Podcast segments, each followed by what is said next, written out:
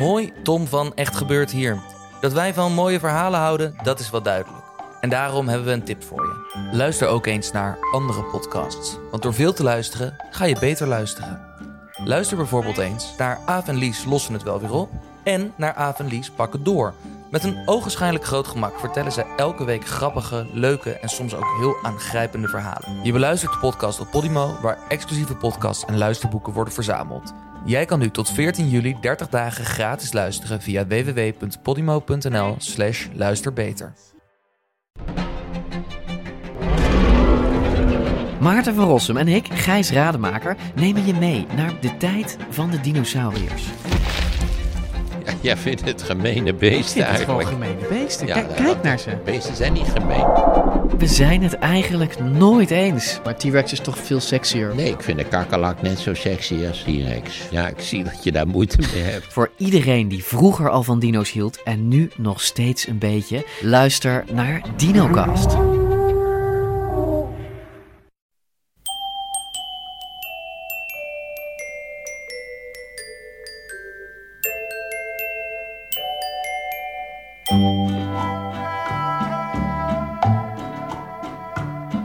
Welkom bij aflevering 362 van Echt Gebeurd, de podcast waarin mensen hun eigen waargebeurde verhalen vertellen. Deze week een verhaal dat Marleen Slot in maart vertelde tijdens een Echt Gebeurd middag rond het thema gevaar.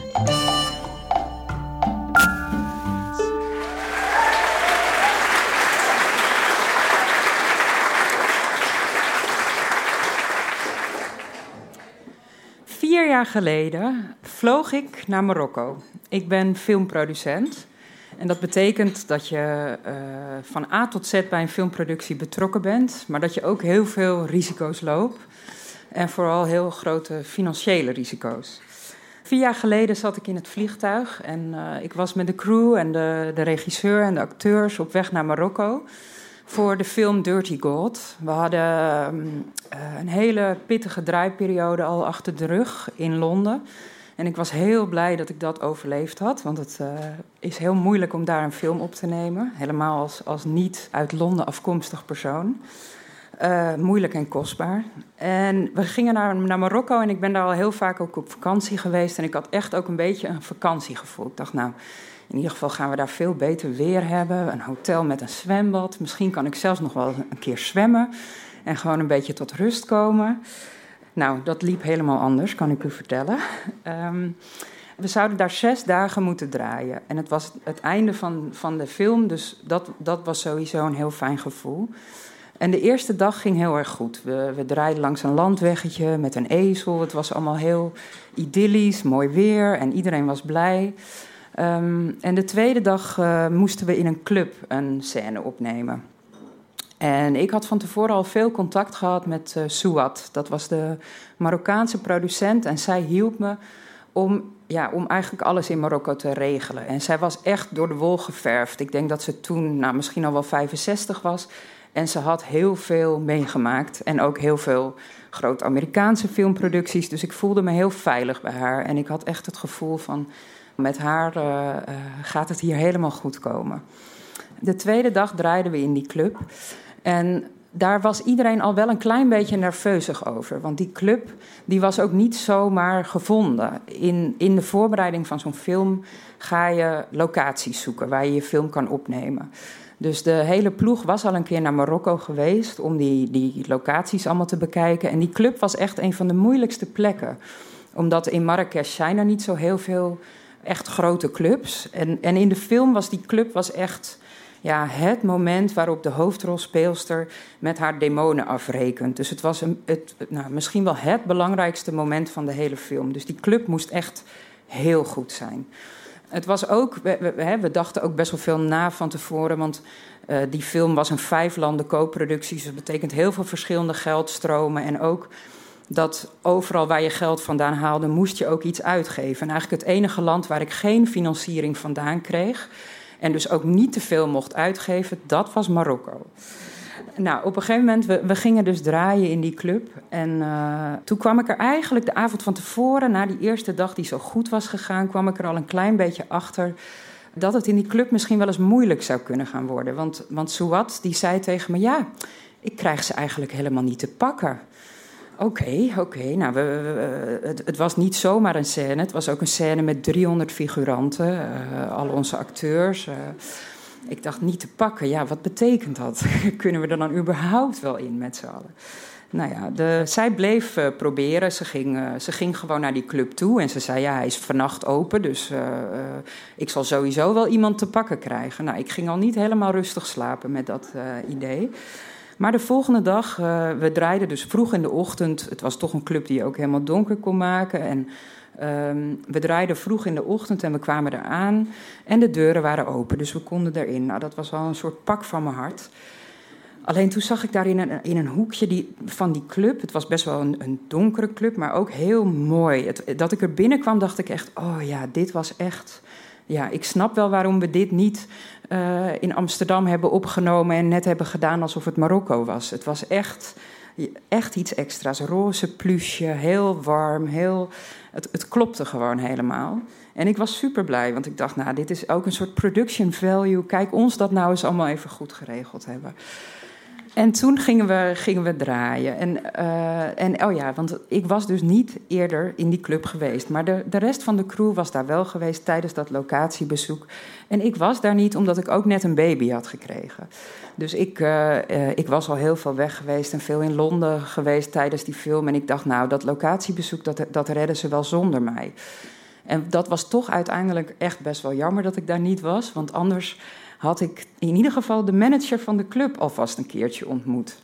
En dat was denk ik toch wel heel erg handig geweest. Want um, toen we daar begonnen met draaien, zag ik dus in een donker hoekje die managers zitten. Met allerlei ja, mensen die voor hem werkten. Maar ook, het was een beetje een soort loesje, loesje groepje. En je voelde ook, ze hadden de hele nacht doorgewerkt, want die club was gewoon open. En ze dronken whisky en het voelde uh, nogal uh, dreigend. Nou, we gingen beginnen en ik zat boven, eh, boven in de club. Daar was de plek waar je heel goed eigenlijk uitzicht over de hele vloer had. Dus ik zag ook al die figuranten binnenkomen. En eigenlijk gingen de eerste uren best wel goed. En ik zag wel dat dat groepje daar in dat hoekje steeds dronkener werd en steeds ja, luidruchtiger. En, en ik dacht wel, nou, ik zal blij zijn als deze dag erop zit. Um, toen op een gegeven moment waren we een scène aan het opnemen en toen kwam de clubmanager kwam echt helemaal uh, woedend op me af. Want um, er waren twee voorwaarden geweest waarop we in zijn club mochten draaien. En we mochten namelijk deze plek ook gratis gebruiken. En daar kwam ik pas die dag achter. En daar ging, uh, was echt het eerste moment waarop mijn, ja, mijn, mijn stekels helemaal uitgingen. Want gratis is nooit goed. Want als je niet betaalt, bepaal je ook helemaal niks dus toen ik dat hoorde, dacht ik al, oei, oei, oei. Nou, hij kwam, kwam woedend op me af, want er was één afspraak, of eigenlijk waren er twee afspraken gemaakt. Uh, namelijk dat we niet de koning van Marokko mochten beledigen. En we mochten zijn club niet in discrediet brengen. En hij kwam naar me toe en hij zei: uh, Je hebt je niet aan onze afspraken gehouden. Want ik zie daar de hoofdrolspeelster kussen met een andere vrouw. Nou, dat, dat was niet waar, want het waren twee vriendinnen in de film en ze kusten elkaar op de wang. Maar de sfeer werd steeds dreigender en grimmiger. En ik voelde aan alles dat het, dat het met deze man helemaal verkeerd. Dus op dat moment zat ik ook niet meer rustig daarboven, maar ging ik ook beneden op die vloer en ging ik een beetje kijken van wat gebeurt hier allemaal en, en hoe reageert deze man daarop. En ineens, midden in een scène, gingen alle lichten in de club gingen aan. En uh, ja, dat is echt heel fout. Want dat betekent A, dat je niks hebt aan die scène. En B, dat er iets ja, verschrikkelijks uh, stond te gebeuren. Weer die manager die kwam naar me toe gerend en die zei... Uh, het is klaar, jullie mogen niet meer verder draaien. Het is over. En alles wat je hier vandaag gedraaid hebt... al dat materiaal moeten jullie nu ogenblikkelijk inleveren. Nou, ik riep meteen naar de cameraassistent: stop die schijf in je onderbroek. Want ik dacht echt, het kan niet dat we gewoon alles kwijt zijn. Het was ook echt de allerduurste draaidag van die hele filmproductie. Ik denk dat die dag gewoon 50.000 euro kostte. En ik zag dat gewoon zo helemaal uh, opgaan. Daar kwam bij dat ik in Marokko dus eigenlijk geen cent extra mocht uitgeven, want qua financiering kregen we daar ook helemaal niets terug. Uh, nou, zij deed die schijf in haar onderbroek. En, en ik, we hadden drie backup dingen. Dus er waren echt mensen die gewoon meteen, hup, al dat materiaal weg. En ik dacht, oké, nou dan hebben we in ieder geval iets. Maar de sfeer werd echt heel grimmig. Want ik zag die 300 figuranten werden allemaal door die manager weggestuurd. Dus die zag ik zo één voor één naar buiten lopen. En ik dacht echt, oh nee, het gaat helemaal mis. En ik wist nog steeds niet wat er nou aan de hand was. En wat er was gebeurd, waardoor hij zo ontzettend boos was geworden.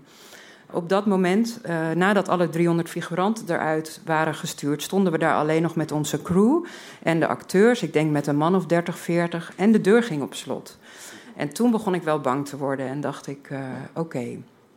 En uh, Suat, de, de Marokkaanse producenten, die kwam naar me toe en, en ik zag echt paniek in haar ogen. En ik wist: dit is een vrouw die wat heeft meegemaakt. Als zij in paniek is, dan hebben we een probleem. Um, dus zij zei meteen uh, tegen me: Ik weet ook niet wat er aan de hand is, we gaan er nu achter zien te komen. En ondertussen uh, was mijn regisseur smekend op haar knieën gevallen voor die, uh, die clubmanager. Iedereen probeerde er nog wat van te maken. En toen hoorden we dus. er was één ding wat we niet in Marokko mochten opnemen in die hele scène in de club. En dat was een, uh, een scène waarin de actrices cocaïne gebruiken. En dat had Suat van tevoren al tegen mij gezegd. Van, nou ja, de, van tevoren moest het script door een soort keuring. Dat kwam daar niet doorheen. Mag absoluut niet hier opgenomen worden. Nou, dat wisten wij allemaal heel goed. Maar op de een of andere manier was dat bericht niet helemaal bij ons production design department terechtgekomen. Dat, dat is het hele team wat de club aankleedt en die zorgt dat alle props aanwezig zijn. En uh, zij waren bezig om een enorme schaal met cocaïne te prepareren. Midden in de club. Nou, dat was dus een soort, uh, als, een, uh, als een rode lap op een stier had die clubmanager daarop gereageerd. Want hij zei, ja, dit, dit is echt, je houdt je gewoon nu niet aan de regels, want je brengt hiermee de koning in discrediet en mijn club en het is klaar. Maar de deuren waren dus op slot en die schijven zaten nog uh, op allerlei plekken. En, uh, en Suwati zei tegen mij: Je moet naar huis bellen. you have to call your husband because I think we are going to jail. Die had ik niet helemaal aanzien komen, want op dat dienblad lag natuurlijk gewoon een bult poedersuiker. En ik dacht: Het zal toch niet zo zijn dat ik in Marokko in een gevangenis beland om een bult poedersuiker. Nou ja, uh, ik belde wel meteen mijn man en ik zei: Ja, uh, er is iets ergs aan de hand. Ik denk dat ik misschien naar de gevangenis ga.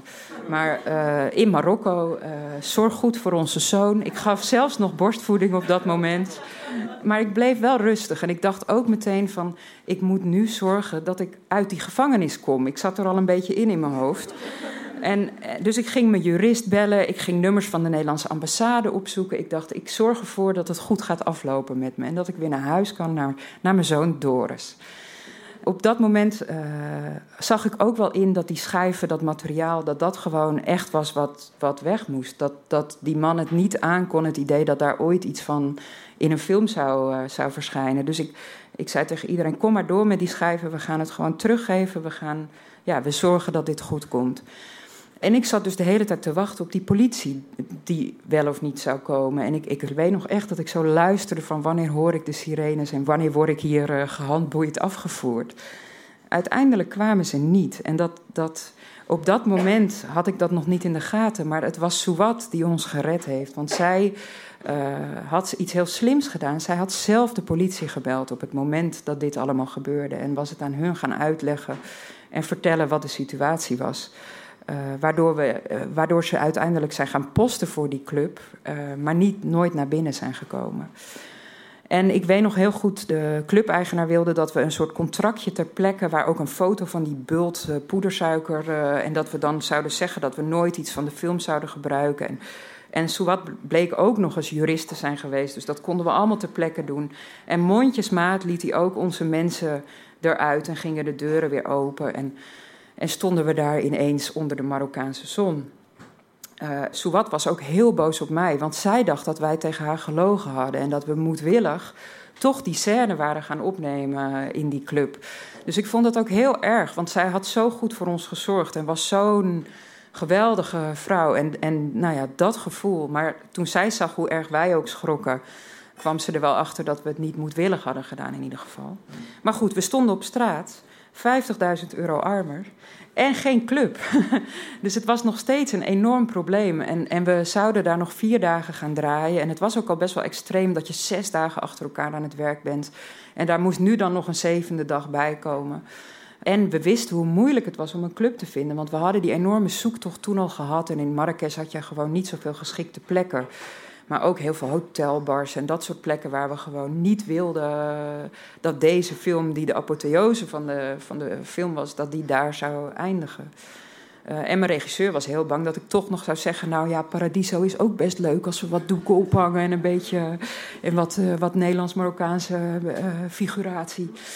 Uh, nou, dat kon ik ook niet over mijn hart verkrijgen. Maar ik weet wel dat ik nog heel veel gebeld heb met heel veel mensen. En dat ik heel erg aan het rekenen was de hele tijd. Van hoe kunnen we dit toch doen zonder failliet te gaan, zonder al die dingen.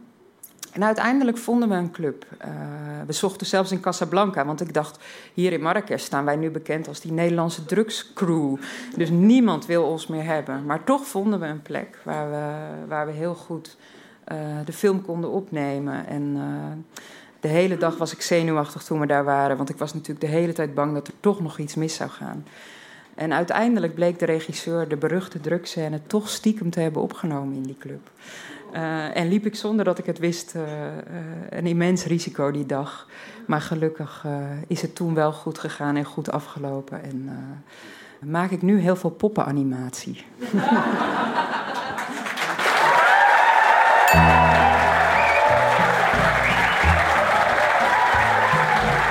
hoorde een verhaal van Marleen Slot.